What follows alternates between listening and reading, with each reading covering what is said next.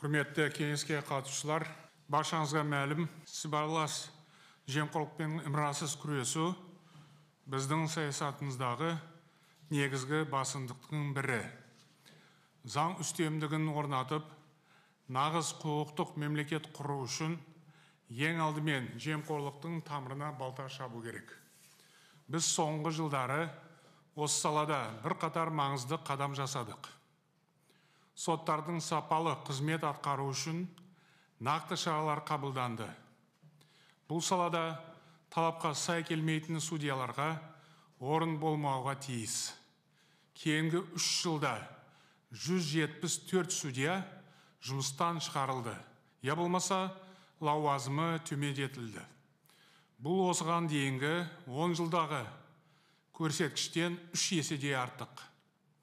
Былтырғы шілде айынан бастап елімізде әкімшілік әділет жүйесі жұмыс істей бастады. Жаңадан құрылған әкімшілік соттарға жарты жылдың ішінде 14 мың талап арыз түскен. Бұрын мұндай істердің 85 пайызы мемлекеттік органдардың пайдасына шешілетін. Ал қазір тең жартысында сотқа арызданушылар жеңіп шығуда. Қылмыстық процестің үш буынды үлгісі енгізілді. Соның нәтижесінде прокурорлар былтыр үш жарым мыңға жуық адамның қылмыстық процеске негізсіз тартылуына жол берген жоқ. Басқа да бірқатар институционалдық шаралар жүзеге асырылды. Атап айтқанда жемқорлық әрекеті үшін сотталған азаматтарды шартты түрде мерзімнен бұрын босатуға тыйым салынды. Соттарға құқық қорғау қызметкерлеріне пара бергендерге және делдалдарға қатаң жаза қолданылатын болды. Былтырдан бері жалпыға бірдей салық декларациясын тапсыруды бастадық. Осы және басқа да шаралар айтарлықтай нәтиже беріп жемқорлық деңгейі төмендеді. Дегенмен түбегейлі өзгеріс әкелген жоқ. Мұны ашық айтуымыз керек.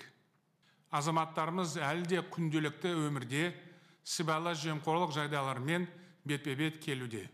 Мысалы академиялық адалдық қағидатын берік ұстанатын жоғары оқу орындарының қатары өкінішке қарай өте аз.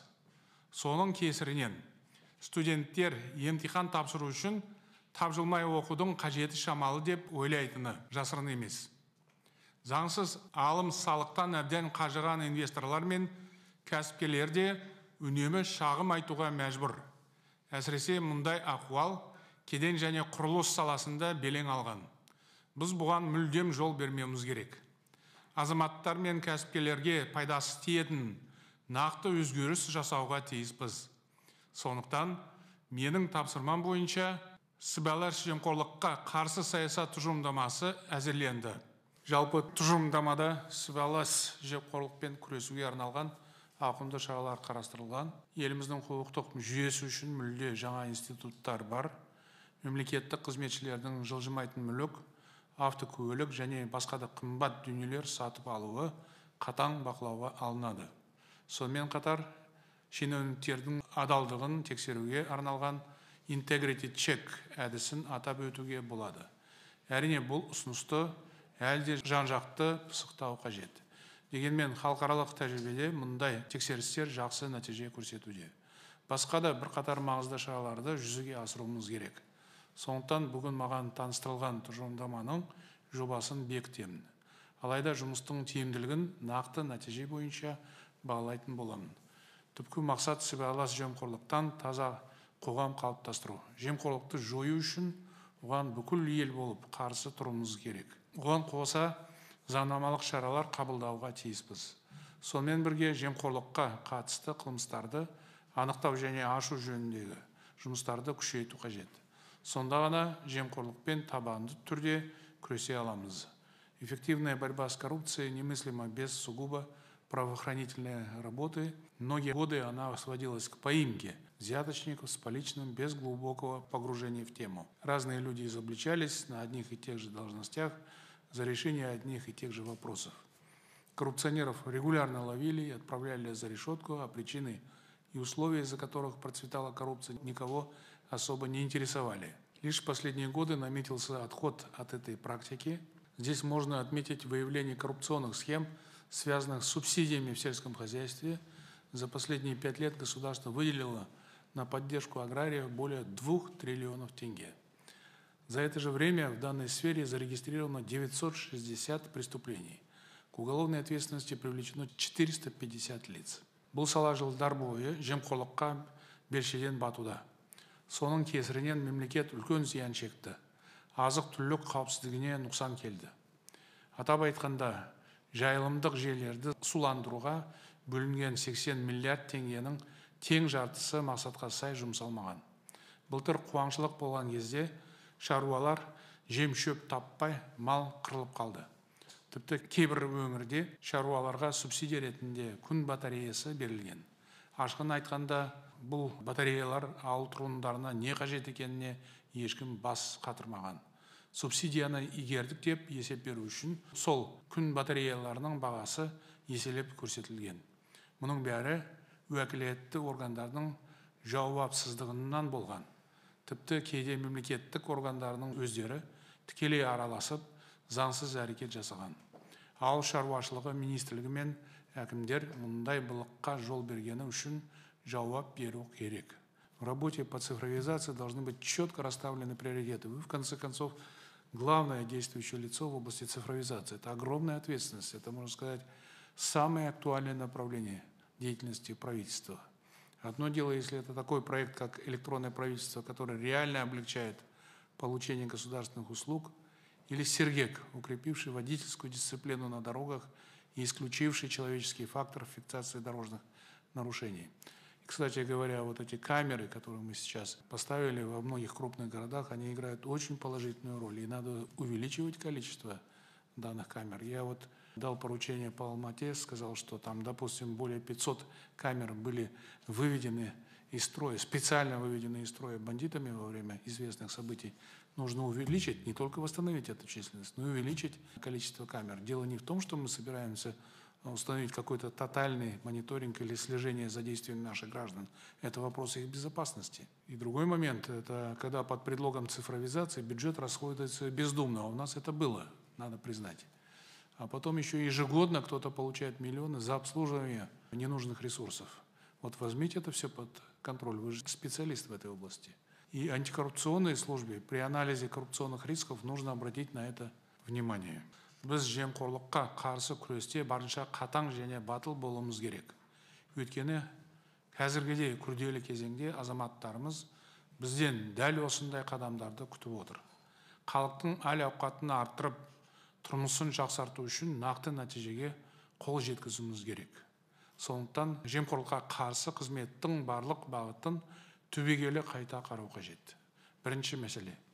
Кәсіпкерлердің және қоғамның сыбайлас жемқорлық туралы талап тілектері бойынша жүйелі жұмыс жүргізуіміз керек. Жұртшылық жемқорлыққа қай жерде және қандай жағдайда тап болатынын үнемі айтумен келеді. Қазақта халық айтса қалт айтпайды деген сөз бар. Ең алдымен ел назарындағы осындай түйткілдерге баса мән берген жөн. Бұрын жылжымайтын мүлікті тіркеу әбден жемқорлыққа батқан саланың бірі болатын. Оны ретке келтіру үшін кешенді шаралар қолға алынды. Соның нәтижесінде ұзын сонар кезек жоғалып пайда күнем делдалдарға тосқауыл қойылды. Яғни жүйелі жұмыстың арқасында қауіпті кесел жойылды. Бұл жемқорлықпен тиімді күресудің нақты мысалы сондықтан кеден құрылыс білім беру және денсаулық сақтау салаларындағы жемқорлықпен күресуге баса мән беру керек.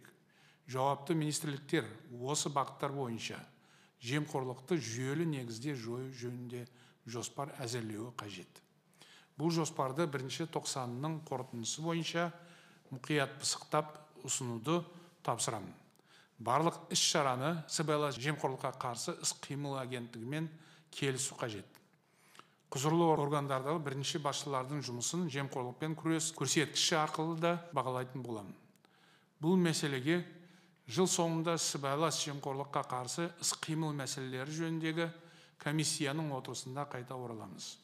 Екінші мәселе мемлекет реттейтін бағаларды белгілеу кезіндегі жемқорлықты жою қажет. Былтыр елімізде баға күрт көтерілді. Әрине әлемнің барлық мемлекетінде инфляция деңгейі жоғары болды. Дегенмен тиісті уәкілетті органдар бағаны белгілеген кезде оның қаншалықты негізді екенін мұқият қарау керек. Мұның астарында экономикалық себептен бөлек біреудің жымысқы әрекеті жатқан жоқ па деген сауал туындайды. Мысалы отандық өнім өндірушілер темір жол саласын жемқорлық жайлағанын айтып үнемі шағымданады. Кәсіпкерлер нақты бір нысанға апаратын темір жолды пайдаланғаны үшін төлейтін ақының көлеміне байланысты наразылық білдіруде.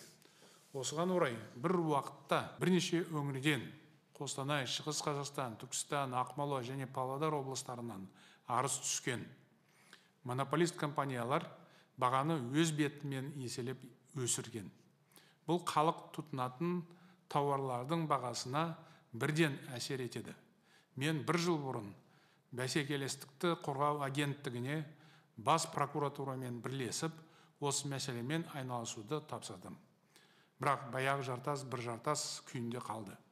Кейбір адамдардың тұтынушы мен кәсіпкердің есебінен ғана пайда тауып отыруы дұрыс емес. Президент әкімшілігіне бұл мәселені бақылауға алуды тапсырамын.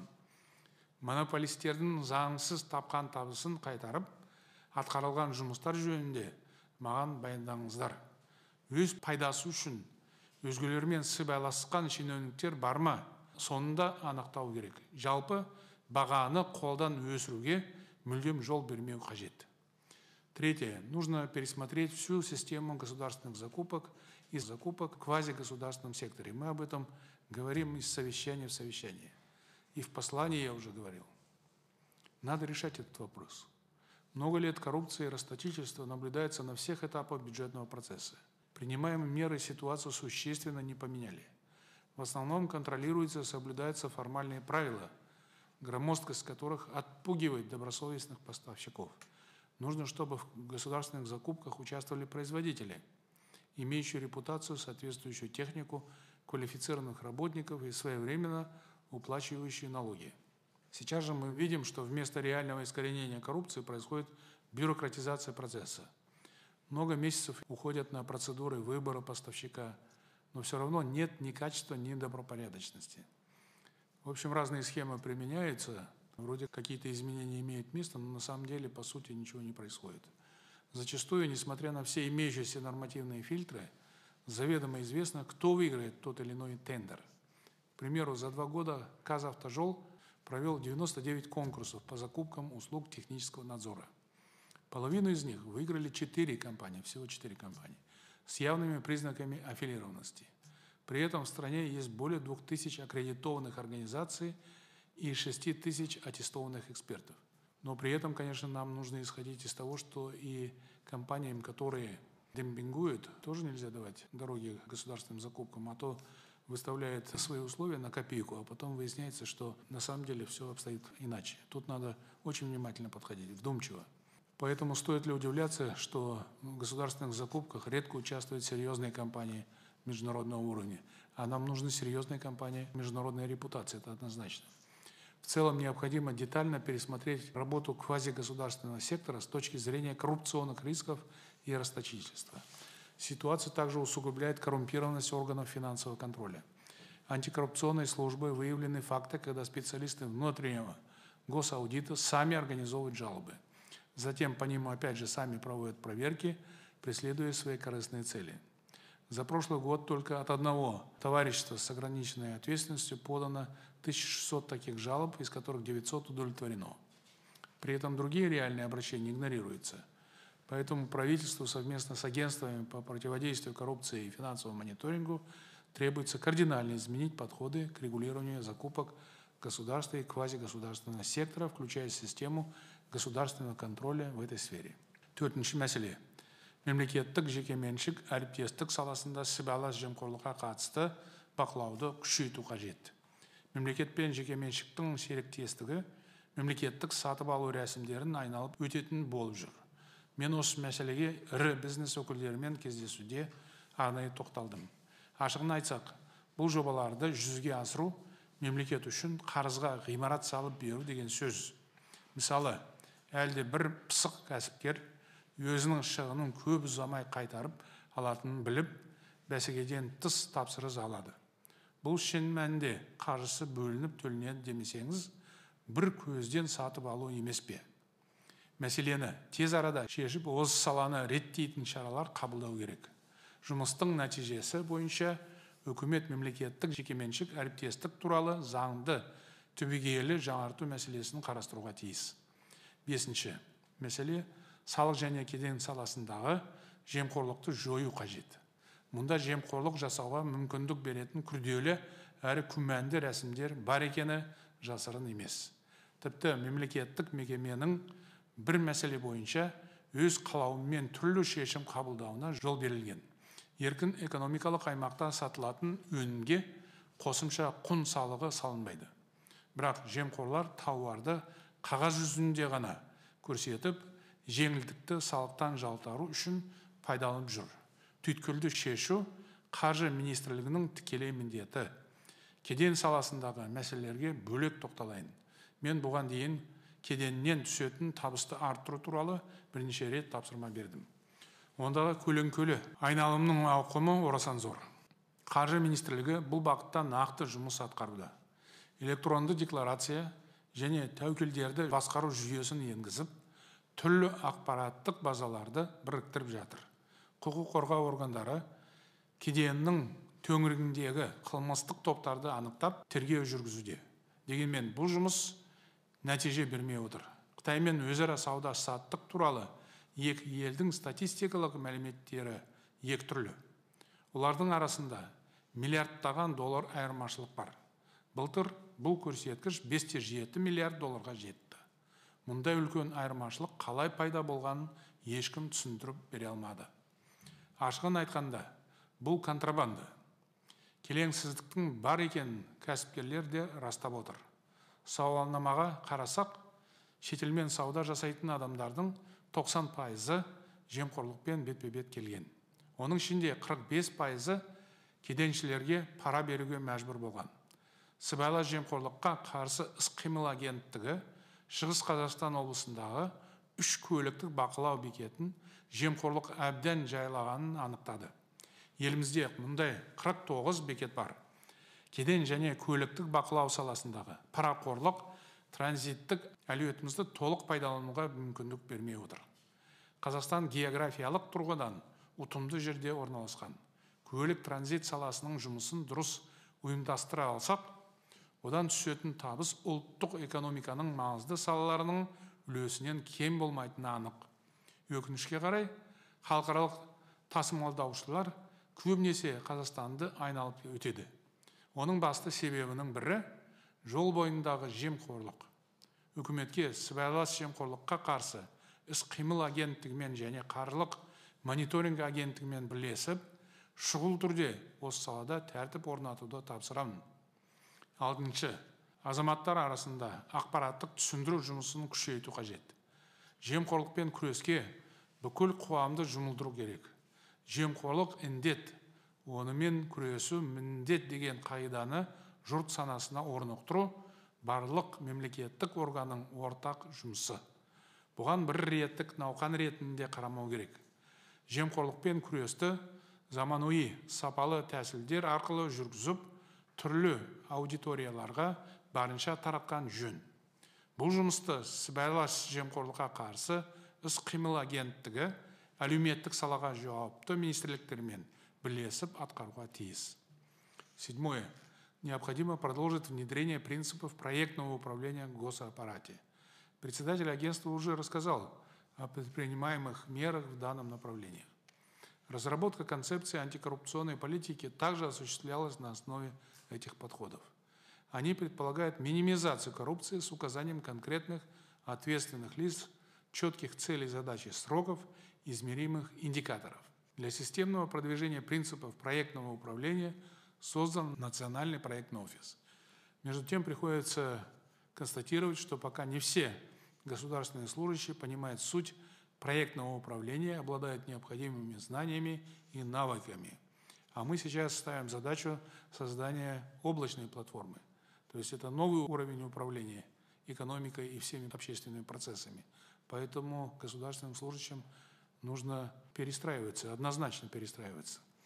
Всем государственным органам следует активно вникать в новые форматы работы и использовать их на практике.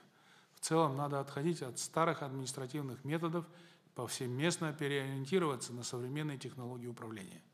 Уполномоченному органу по делам госслужбы предстоит полностью перезагрузить систему государственной службы, чтобы она на деле стала сервисной и клиентоориентированной. құрметті жиынға қатысушылар қоғамның басты талабының бірі әділдік пен заң үстемдігін орнату. Бұл жолдағы ең үлкен кедергі сыбайлас жемқорлық екені сөзсіз. Біз осы қоғамдық кеселді қалайда жеңуіміз керек. Бұған қатысты менің ұстанымым өзгермейді. Жемқорлықпен батыл күресіп жүрген азаматтарға барынша қолдау көрсетемін. Бұған еш күмән болмауы қажет. Ал міндетін адал атқарғысы келмейтін адамдарға біздің қатарымызда орын жоқ. Олармен сөз де басқа жолымыз да бөлек.